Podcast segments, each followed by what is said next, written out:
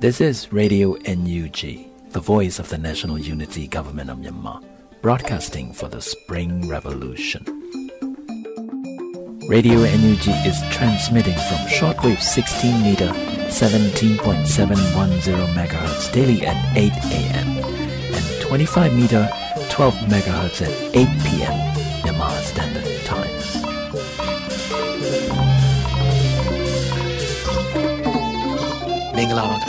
အမျိုးသားညီညွတ်ရေးအစိုးရရဲ့အသံလွှင့်ဌာန Radio NUG ကိုမနေ့၈နိုင်မှာ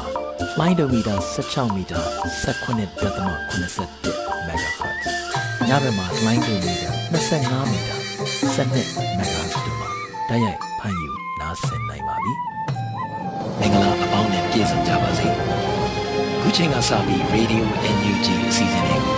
ဓာတ်ရိုက်အသံလွှင့်ပေးနေပါပြီ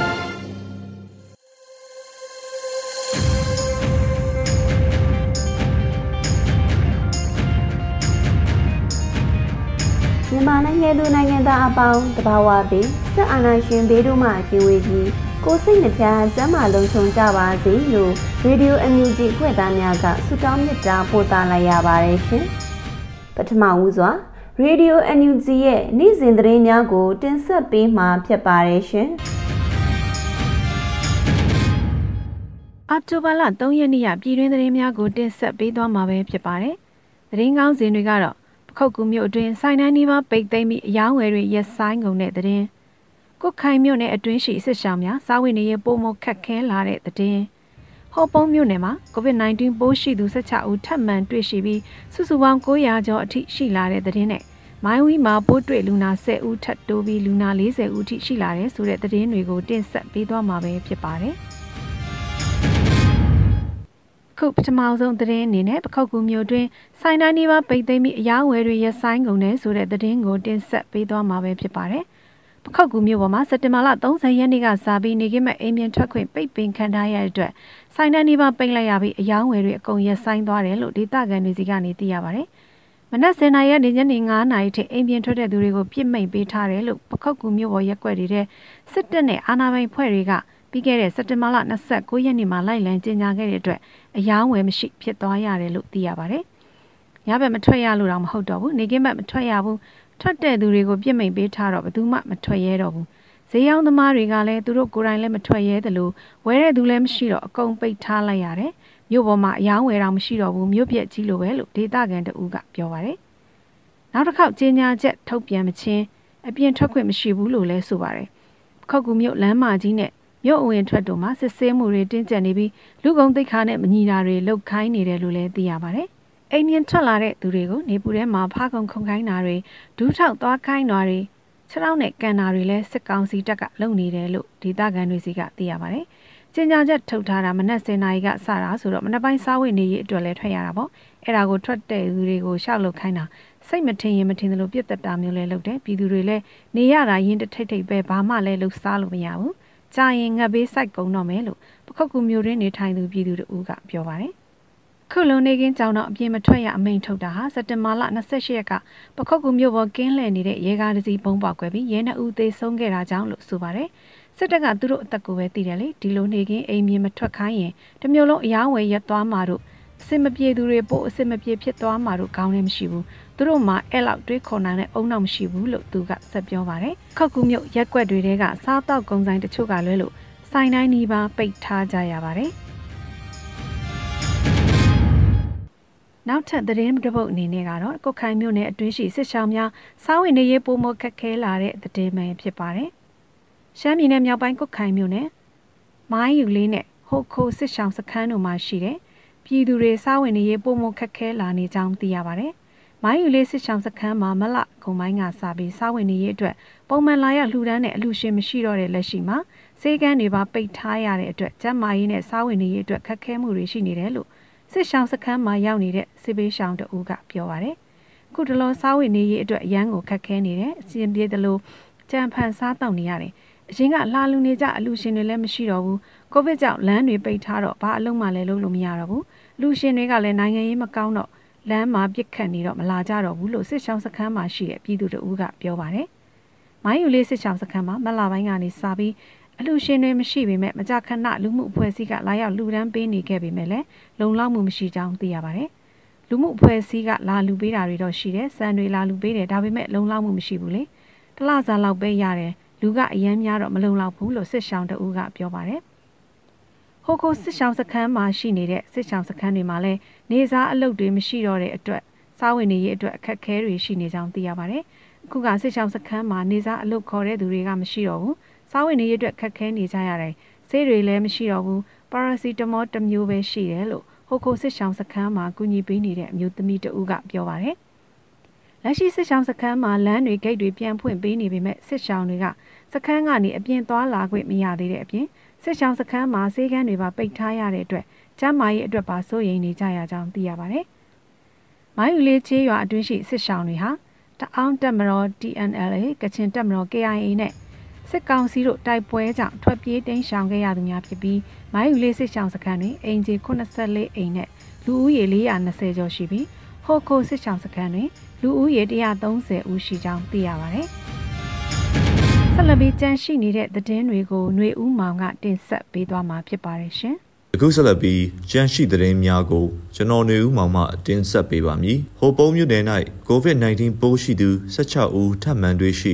စုစုပေါင်း900ကျော်ရှိသတင်းကိုတင်ဆက်ပေးပါမည်။ပအိုးကိုပိုင်အုပ်ချုပ်ခွင့်ရဒေသဟိုပုံးမြို့နယ်တွင်ပြီးခဲ့တဲ့အောက်တိုဘာလ1ရက်နေ့တွင်ကိုဗစ် -19 ပိုးရှိသူ16ဦးထပ်မံတွေ့ရှိခဲ့တဲ့အတွက် စုစုပေါင်း900ဦးကျော်ရှိပြီဖြစ်ကြောင်းမြို့နယ်စေယုံရဲ့ထုတ်ပြန်ချက်အရသိရပါတယ်။အစိုးပါယောဂပိုးတွေ့ရှိသူများမှာဟိုပုံမြို့မှရဲစခန်းမှ2ဦးအပါအဝင်မြို့ပေါ်ရက်ွက်များမှရေတပ်လုပ်ငန်းလုပ်ကိုင်သူများအလားပြေလုပ်ငန်းလုပ်ကိုင်သူဈေးရောင်းသူများကုမ္ပဏီဝန်ထမ်းနဲ့မိခိုသူတွေဖြစ်ကြပါတယ်။ဟိုပုံမြို့နယ်တွင်တတိယလိုင်းကာလအတွင်း COVID-19 ပိုးရှိသူစုစုပေါင်း906ဦးတွေ့ရှိခဲ့ပြီး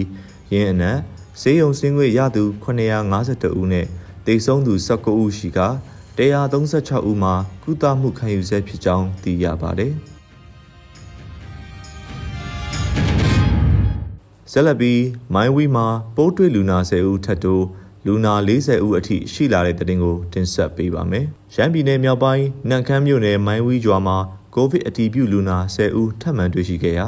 လူနာ40ဦးအထိတွေ့ရှိလာတယ်လို့သိရပါတယ်။ ဒီနေ့မှာတန်တရာလူနာ52ဦးကိုစစ်ဆေးရာတွေ့ရှိခဲ့ခြင်းဖြစ်ပြီးပိုးတွေ့လူနာတွေဟာမြို့နယ်ပြည်သူစေယုံနဲ့နေအိမ်မှာသာကုသနေသူတွေလည်းရှိနေပါတယ်။မိုင်းဝီကျေးရွာမှာပြီးခဲ့တဲ့စက်တင်ဘာ18ရက်နေ့ကစပြီးအတီးပြုလူနာစတင်တွေ့ရှိခဲ့တာဖြစ်ပြီးတော့ဒီနေ့အထိလူနာ40ဦးရှိနေပါပြီ။မြို့နယ်ပြည်သူစေယုံမှာတွားရောက်ကုသတဲ့လူနာ9ဦးရှိပြီး နေအိမ်မှာကုသနေတဲ့ပိုးတွေ့လူနာတွေလည်းကျန်းမာရေးကောင်းနေတယ်လို့သိရပါတယ်။ပိုးကူးဆက်နှုန်းမြင့်တက်လာပြီးနောက်ရေရွာမှာသွာလာမှုနှဲပါလာပြီးမိုင်းဝီရွာအနီးရှိကျေးရွာတွေမှာလည်းဖျားနာသူတွေရှိနေကြောင်းဒေသခံတွေကဆိုပါတယ်။နန်ခမ်းမြို့နယ်ထဲမှာစက်တင်ဘာ30ရက်အထိပိုးတွေ့လူနာ1946ဦးတက်ကတက်တာလာသူ1483ဦးရှိပြီးဒိတ်ဆုံးသူ88ဦးရှိနေပါတယ်။ ယခုတင်ဆက်ပေးခဲ့တာကတော့အောက်တိုဘာ3ရက်ရပြည်တွင်းသတင်းများပဲဖြစ်ပါတယ်။ကျွန်တော်ຫນွေဦးမောင်ပါ။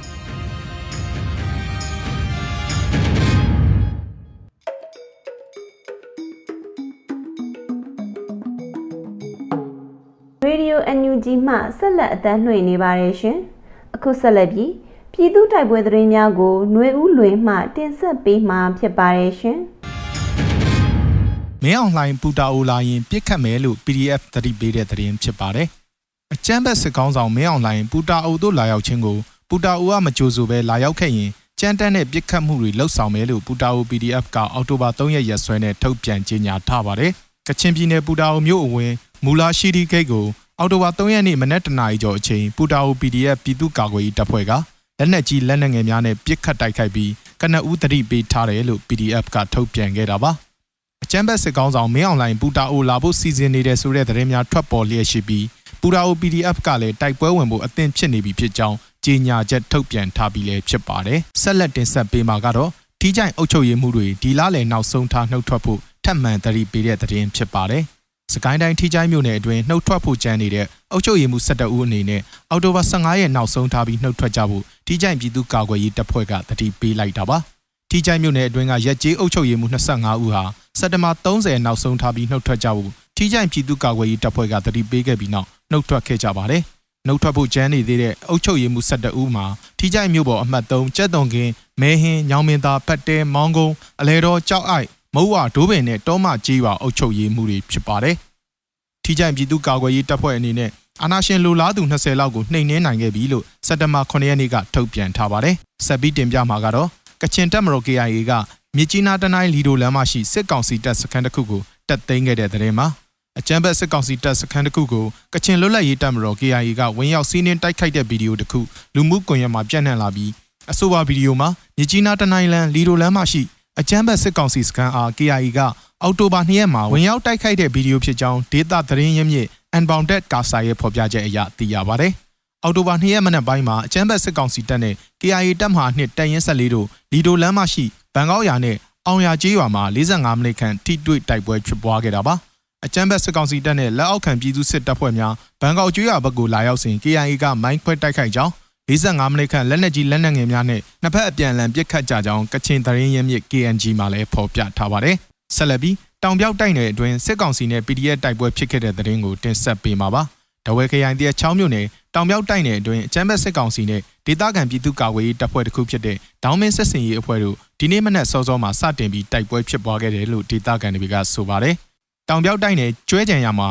အော်တိုဘာ3ရက်နေ့မနက်4:40မိနစ်မှာပြစ်ခတ်မှုစတင်ဖြစ်ပွားခဲ့ပြီးမနက်၈နာရီခွဲမှာရပ်နားလိုက်တယ်လို့ဒေါင်းမင်းစစ်စင်ရေးအဖွဲ့ဝင်တို့ကပြောပါတယ်။စစ်ကောင်စီဘက်က10ဦးထပ်မံကြာဆုံးပြီးဒေါင်းမင်းစစ်စင်ရေးအဖွဲ့ဘက်ကထိခိုက်ဒဏ်ရာရသူမရှိကြောင်း၎င်းကဆက်ပြောပါတယ်။ စစ်ကောင်စီဘက်ကလက်နက်ကြီးအချက်ပေါင်းများစွာပစ်ခတ်ခဲ့တယ်လို့ဒေတာကန်တချို့ကဆိုပါတယ်။တောင်ပြောက်တိုက်နယ်အတွင်းရှိကြေးရွာတွေမှာစစ်ကောင်စီတပ်တွေဟာပြည်သူများရဲ့နေအိမ်တချို့ကိုမိရှို့ဖျက်ဆီးမှုတွေရှိခဲ့တယ်လို့သိရပါတယ်။ဆက်လက်တင်ဆက်ပေးမှာကတော့အကြမ်းဖက်စစ်ကောင်စီတပ်နဲ့ KNL တို့တရက်အတွင်းတိုက်ပွဲ6ကြိမ်ဖြစ်ပွားပြီးစစ်ကောင်စီတပ်က23ဦးသေဆုံးတပ်ရင်းမှုအဆင့်2ဦးပါဝင်30ခန့်ဒဏ်ရာရတဲ့တဲ့တင်မှာ ကရင်မျိုးသားစီယုံ KNU တပ်မဟာ9ထိန်းချုပ်ရာဒေသအတွင်းစက်တဘာ30ရက်တရက်ထဲမှာအကြမ်းဖက်စစ်ကောင်စီတပ်နဲ့ KNL တို့ကြားတိုက်ပွဲ6ကြိမ်ဖြစ်ပွားခဲ့ပြီးစစ်ကောင်စီဘက်မှ23ဦးသေဆုံးကတပ်ရင်းမှုအဆင့်ရရှိ2ဦးပါဝင်30ခန့်ထိခိုက်ဒဏ်ရာရခဲ့ကြောင်း KNU တပ်မဟာ9မူတော်သတင်းစင်မှာထုတ်ပြန်ခဲ့ပါတယ်။ အဆိုပါတိုက်ပွဲများဟာကရင်မျိုးသားလွတ်မြောက်ရေးတပ် KNL တပ်မဟာ9တပ်ရင်း102တပ်ခွဲ1တပ်ခွဲ2အဖွဲ့များနဲ့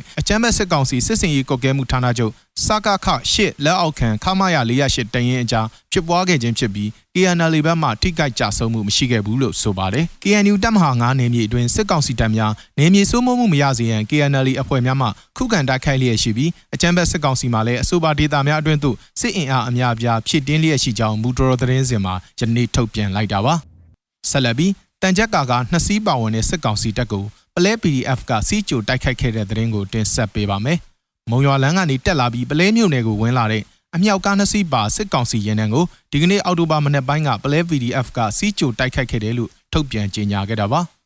ဘုံနဂါဥဆောင်တဲ့ပလဲ PDF ရဲ့တိုက်ခိုက်မှုကြောင့်တိုက်ပွဲနှစ်ကြိမ်ဖြစ်ပွားခဲ့ပြီးစစ်ကောင်စီ25ဦးထပ်မံထိခိုက်ကြဆုံးခဲ့ပြီးစကားဆဘက်ကလက်နက်ကြီးတွေနဲ့ တုံ့ပြန်တိုက်ခိုက်ခဲ့ပေမဲ့ PDF တွေဘေးကင်းစွာစုခွာနိုင်ခဲ့တယ်လို့သိရပါတယ်။အော်တိုဘာလ၁ရက်နေ့ကစလို့စကိုင်းတိုင်းဒေသကြီးအတွင်းစစ်အင်အားဖြစ်တင်းမှုများလှုပ်ဆောင်နေပြီးဒေသတွင်းပြည်သူ့ကာကွယ်ရေးအဖွဲ့တွေနဲ့လည်းတိုက်ပွဲတွေမကြာခဏဖြစ်ပွားနေပါတယ်။နောက်ဆုံးတင်ဆက်ပေးမှာကတော့အော်တိုဘာ3ရက်နေ့ကလေးတောင်ပိုင်းတိုက်ပွဲမှာအကြမ်းဖက်စစ်ကောင်စီ10ဦးထပ်မံတေဆုံးခဲ့တဲ့သတင်းဖြစ်ပါတယ်။ဒီနေ့အော်တိုဘာလ3ရက်8နာရီဝန်းကျင်ခန့်မှာ ကလေးမျိုးနယ်မှာတောင်ပိုင်းဘက်ကိုမောင်းနှင်လာတဲ့စစ်ကားကြီးများနဲ့အင်စီကားစုစုပေါင်း၈စီးကန့်ပါဝင်တဲ့အကြမ်းဖက်စစ်ကောင်စီရင်နှန်းကို PDF ကလေးနဲ့ CNDF ပူးပေါင်းတပ်ဖွဲ့များက၃ချိန်တိတိကြားဖြတ်မိုင်းဆွဲတိုက်ခတ်ခဲ့ရမှာစစ်ကောင်စီ10ဦးထပ်မံတေဆုံးခဲ့ပြီးပူးပေါင်းတပ်ဖွဲ့များအထိကိမရှိအောင်မြင်စွာဆုတ်ခွာနိုင်ခဲ့တယ်လို့သိရပါတယ်။ကလေးကန်ကောကလေးတမှုလမ်းများမှာတိုက်ပွဲများအချိန်မီဖြစ်ပွားနိုင်တာကြောင့်မော်တော်ယာဉ်များယခုရပိုင်းအတွင်းဖြတ်တန်းသွားလာခြင်းမပြုကြဘူးလေကလေး PDF ကထပ်မံသတိပေးထုတ်ပြန်ထားပါတယ်ခင်ဗျာ။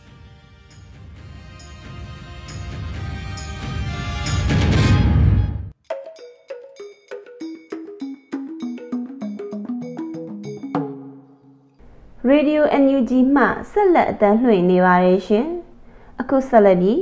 Radio NUG ရဲ့တေးဂီတကဏ္ဍအနေနဲ့ IMP အဖွဲ့ရဲ့အာသစ်တခြင်းကို နားဆင်ခံစားကြရမှာဖြစ်ပါတယ်ရှင်။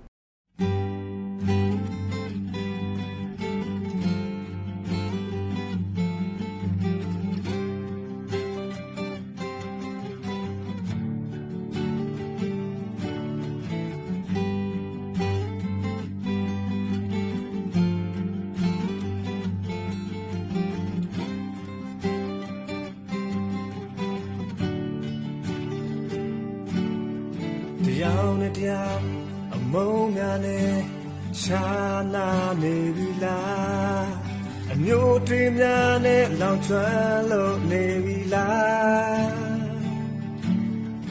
နေရမြတနေ့ပိနေပြောင်းလဲနေမှာပဲအိမ်မဟောင်းတွေနဲ့ခီးဆက်ကြမှာလား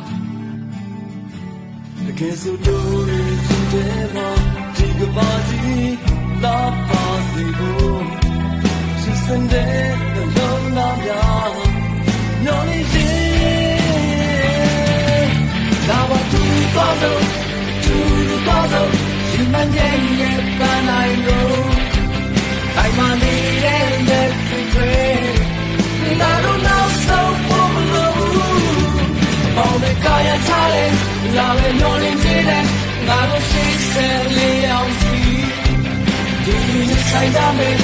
ဒီအောင်ကြည့်တဲ့အာဒီနေ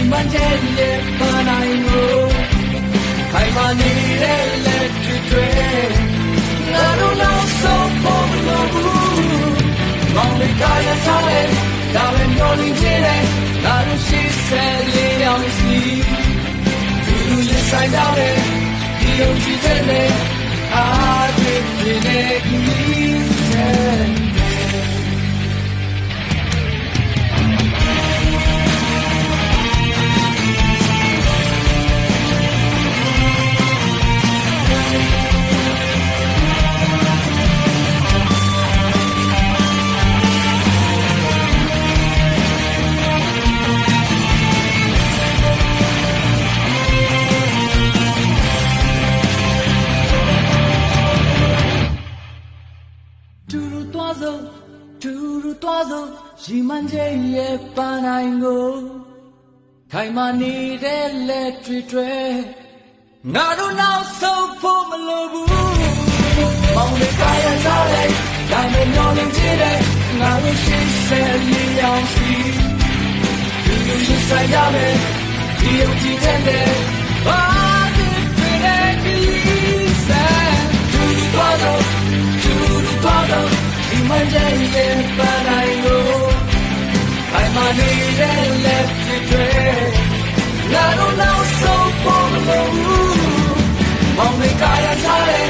la me no ling tire na do shi se li yang fi Tu ni sai da me Ti yang ti ten ne a du ne se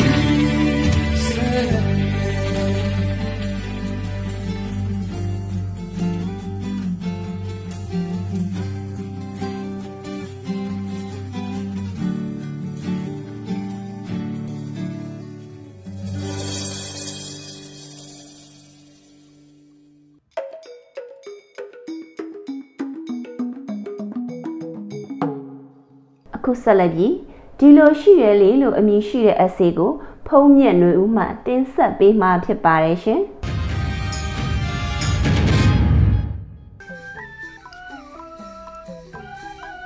အမေရိကန်မှာနေတဲ့တငယ်ချင်းကကျမ်းမာရေးဂယုစိုက်ကွာကာကွယ်ဆေးလဲထိုးထားတဲ့အဲ့တော့မင်းတို့စီလိုလွယ်မှတ်နေလားလို့ပြန်မေးလိုက်ရတယ်တကယ်ပါဘယ်ကိုသွားထိုးရမှန်းလည်းမသိရက်ကွက်ထဲမှာစုံစမ်းကြည့်တော့လဲဘယ်သူမှမသိ ဒီလိုပုံအတိုင်းသာဆိုရင်ဖြင့်တကြံရောက်တိုင်းလူငယ်တွေကတက်ကြီးရွယ်အိုတွေကိုခေါင်းလျှော်ပေးကြခြေသေးလက်သေးညှက်ပေးကြတဲ့ကုသိုလ်ပြုတဲ့အခွင့်အရေးလေးကိုတောင်ရမှာရပါတော့မလားမသိလက်ခွန်းနေမှာဗျာဒီနေ့ညနေစာတမ်းမရချင်းပဲဟင်းကြိုစီးပြူသီးတောင်းပဇွန်ကျင်တော့ကင်းမုံသီးချက်နဲ့ပွဲတော်တဲရသဗျဘယ်လိုအစားအစာတွေကဘယ်လိုကလိုရီဗီတာမင်တွေပရိုတင်းတွေပြည့်ဝတယ်ဆိုတာ ကိုကမသိရှိတာလေးနဲ့စားဘိုက်ဝါသွားရင်โอเคဇီးပြူသီးကိုပြုတ်ပြီးငပိနဲ့ရောထောင်းစီလေးစမ်းပြီးရှာပေါ်မှာတင်လိုက်ရရင်ဖြင့်ဟာအမလေးဗျာပါဇက်ကိုမနေ့ break အုပ်နေရသဗျနှုတ်ပြီးတန်မယာချင်းကိုမြုံလိုက်ရည်နွေးချင်းလေးမော့လိုက်ပဇွန်ချင်းတုတ်ကိုထမင်းနဲ့မြုပ်ပြီးစားလိုက်ဆိုတော့ကောင်းမကောင်းခမညာကောင်းမကောင်းအချင်းတွေကြိုက်လို့စားတော်ညာလဲကျွန်တော်ကိုအချင်းတော့မထင်နဲ့နော် အိမ်မှာနှစ်ပေမီးချောင်းတွေကျွမ်းကုန်လို့လဲရတယ်တချောင်းမဟုတ်သုံးချောင်းကြီးတောင်လဲရတာရဲ့ဗျဈေးတွေတက်ကုန်လို့လေဒီကစိတ်တိုးအရင်ဆုံးတစ်ချောင်းကျွန်းလုံးကလည်းဈေးကမတက်သေးဘူးတဲ့ကျွန်တော်ကိုအပြစ်တင်တဲ့သဘောနဲ့ပြောနေတယ်ပေါ့ဗျာ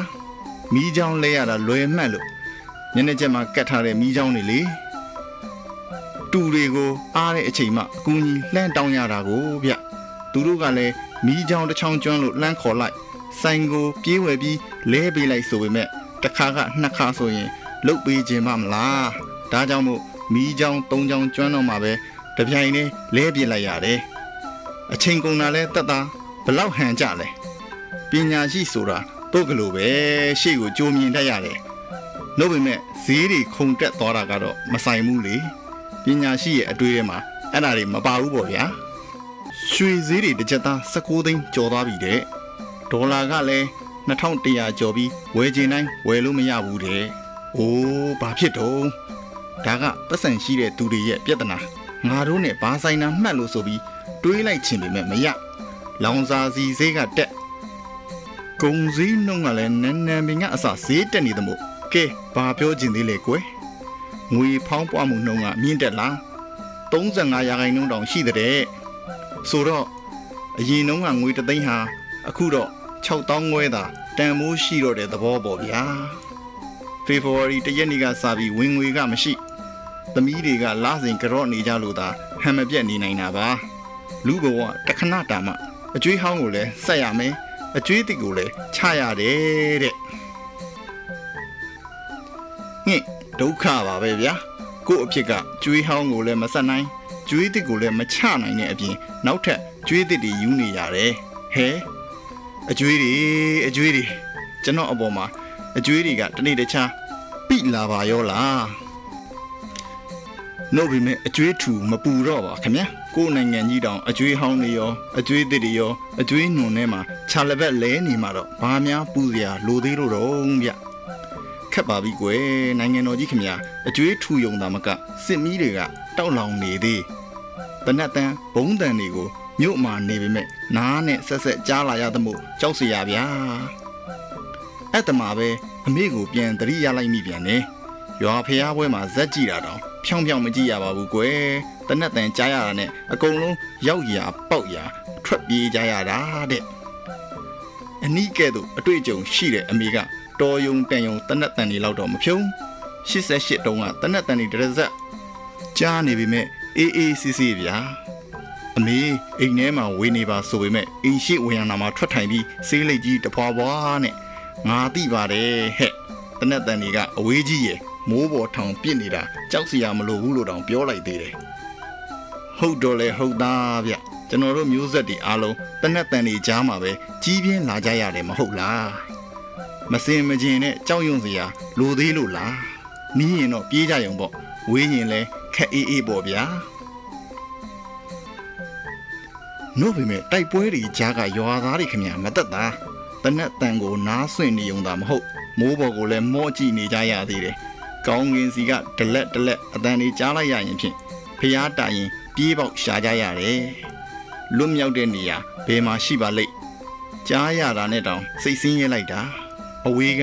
ဘေးရန်ခတ်သိမ်းကင်းဝေးကြပါစေလို့ဆုတောင်းမြတ်တာပို့တနေရတယ်ဗျာ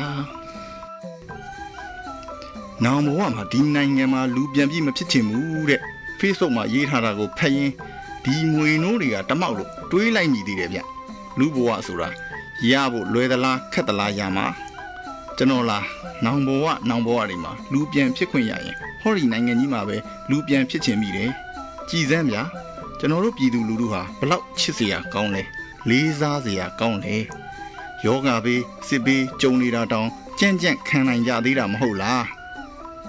ဓမ္မနဲ့အဓမ္မရဲ့ပြိုင်ပွဲမှာအမှန်တရားကိုချစ်မြတ်နိုးတဲ့သူတွေကိုချစ်မြတ်နိုးတယ်လေးစားတယ်စိတ်ဓာတ်ညှင်းမြတ်ကြနှုံးလို့ကိုသားသမီးအရွယ်လေးတွေဖြစ်ပေမဲ့သူတို့တွေကိုလက်အုပ်ချီဥတော်ပါခင်ဗျာ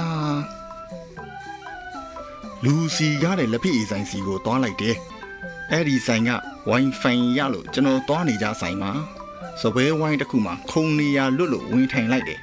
စကားပြောနေကြတဲ့လူလက်ပိုင်းအရွယ်၃ယောက်ကပြောလက်စစကားကိုရက်ပြီးကျွန်တော်ကိုအကဲခတ်ကြည့်လိုက်တယ်ပြီးမှတကောင်းလုံးသပင်ဖြူဖွေးနေတဲ့ကျွန်တော်ကိုတွေးလိုက်ရလို့စိတ်ချသွားဟန်တူရဲ့ပြောလက်စစကားတွေကိုဆက်ပြောနေကြတယ်အစတော့ Facebook သုံးနေလို့သူတို့ပြောတဲ့စကားအသံတွေစီအာယုံမရောက်မိဘူး၃ယောက်မှ၂ယောက်ကအပြန်အလှန်ပြောနေကြပြီးကြံတစ်ယောက်ကဘာမှမပြောဘဲနားထောင်နေတာကိုတွေးလိုက်ရတယ် သူတို့ပြောနေတာတွေကို နားထောင်လိုက်ရမှာအလိုဟိုချီမင်းအကြောင်းမော်စီတုံးတဲ့မိုင်ပေါင်းတစ်ထောင်ခီချီခွေးဖားရရဲ့ပျောက်ကြားတော်လန်ရေးကျွန်တော်ဖြင့်နားထောင်ရင်တဖြည်းဖြည်းနဲ့စိတ်အားတွေတောင်မြင့်တက်လာခဲ့တယ်။နာယီဝက်လောက်အကြာမှာတော့ပြောစရာကကုံသွားပြီးရက်သွားကြတယ်။အဲ့တမှာပဲစောစောကအတန်မထွက်ညီတက်နေတဲ့သူကရုတ်တရက်ဝင်ပြောလိုက်တော့အန်အောလွန်းလို့လက်ထဲကဖုံးတောင်လွတ်ကြလို့မတက် မင်းတို့ကတော်လန်ရေးကိုဘာမှတ်နေလဲပရီးမီးယားကြီးဘောလုံးပွဲတွေလိုကန်တင်ပြေးခြေဥနဲ့ထိုးဂိုးလို့ရမယ်လို့များမှတ်နေလားတဲ့ဗျဟုတ်သားဟာသူလဲသူ့အမြင်နဲ့သူပြောတာပဲဥစ္စာဘယ်သူကဘာပြောချင်ကြသေးတော့တနာရီလောက်အကြာမှအိမ်ပြန်လာခဲ့တယ် Facebook ပေါ်မှာတော်လန်ကြီးအကြောင်းဝေဝေစာစာနဲ့သုံးသက်ကြဝေဖန်ကြတဲ့ဆရာကြီးဆရာလက်ဆရာလေးတို့အားလုံးကိုလေးစားတယ်ဥညွတ်ပါတယ် ဆရာဆရာတို့ပြောသမျှတွေကအတိအမြင်တိုးပွားပြီးမှတ်သားနာယူစရာတွေကြီးပါပဲဒါပေမဲ့ပွင့်ပွင့်လင်းလင်းပြောရရင်လက်ဖီးဆိုင်ကကြားခဲ့ရတဲ့စကားလောက်နားရဲတော့မစွဲဘူးခင်ဗျာစကားမဆက်မနေ့ကပရီးမီးယားလိဘောလုံးပွဲတွေမှာဘသူတွေနိုင်သွားကြတော့ဟင်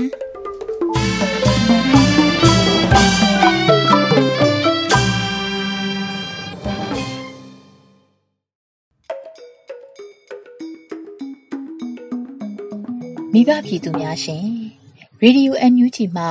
မွန်လွဲပိုင်းအစီအစဉ်ထက်မှန်ထုတ်လွှင့်မှုနဲ့ညနေပိုင်းအစီအစဉ်တိုးချက်အတန်းလိုင်းမီတာများကိုကြီးညာပေးပါရစေ။အော်တိုဘာလ6ရက်9ရက်နဲ့10ရက်နေ့များမှာမွန်လွဲ2နာရီခွဲမှ3နာရီထိမွန်လွဲပိုင်းအစီအစဉ်ကိုလိုင်းတူ16မီတာ19.8 MHz မှာထက်မှန်တိုးချက်စမ်းသပ်ထုတ်လွှင့်ပေးသွားမှာဖြစ်ပါတယ်ရှင်။အော်တိုဘာလ6ရက်9ရက်နဲ့10ရက်နေ့များမှာ ပုံမှန်ထုတ်လွှင့်နေကြရေဒီယိုအန်ယူဂျီရဲ့ညနေပိုင်းစီစဉ်များကိုလိုင်းတူ25မီတာ12 MHz အပြင်လိုင်းတူ19မီတာ15.565 MHz မှာလည်းတပြိုင်နက်တည်းစမ်းသပ်ထုတ်လွှင့်သွားမှာဖြစ်ပါတယ်ရှင်။နားတော်တာရှင်များအနေနဲ့တိုးချက်ထုတ်လွှင့်မှုများပေါ်ဖမ်းယူနားဆင်နိုင်မှုအခြေအနေတွေကို Radio NUG ရဲ့ Facebook စာမျက်နှာမှာမှတ်ချက်ရေးသားရေးဖြစ်စေ Messenger မှာဖြစ်စေ ပြန်လည်အတည်ပြုနိုင်ကြပါတယ်။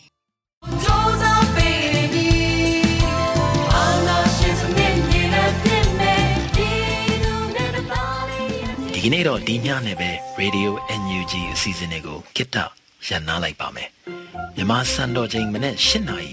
ညနေ၈နာရီတို့မှာပြန်လည်တွေ့ဆုံကြပါစို့။ Radio NUG ကိုမနေ့၈နာရီမှာ flight meter 16မီတာ18.87 MHz ညဘက်မှာ flight meter 25မီတာ12မဂါဟတ်တို့မှာတိုက်ရိုက်ဖမ်းယူနားဆင်နိုင်ပါပြီ။မြန်မာနိုင်ငံသူနိုင်ငံသားများကိုစိတ်နှပြချမ်းသာချမ်းသာလို့ဘေးကင်းလုံခြုံကြပါစေလို့ Radio NUG အဖွဲ့သူဖွဲ့သားများဆုတောင်းပေးလိုက်ပါတယ်။အမျိုးသားညီညွတ်ရေးအစိုးရရဲ့ဆက်သွယ်ရေးသတင်းအချက်အလက်နဲ့ဤပညာဝန်ကြီးဌာနကထုတ်လွှင့်နေတဲ့ Radio NUG ဖြစ်ပါတယ်။ San Francisco Bay Area အခြေစိုက်မြန်မာမိသားစုများနဲ့နိုင်ငံတကာကစေတနာရှင်များလုံအားပေးများရဲ့ Radio NUG ဖြစ်ပါတယ်အရေးတော်ပုံအောင်ရမည်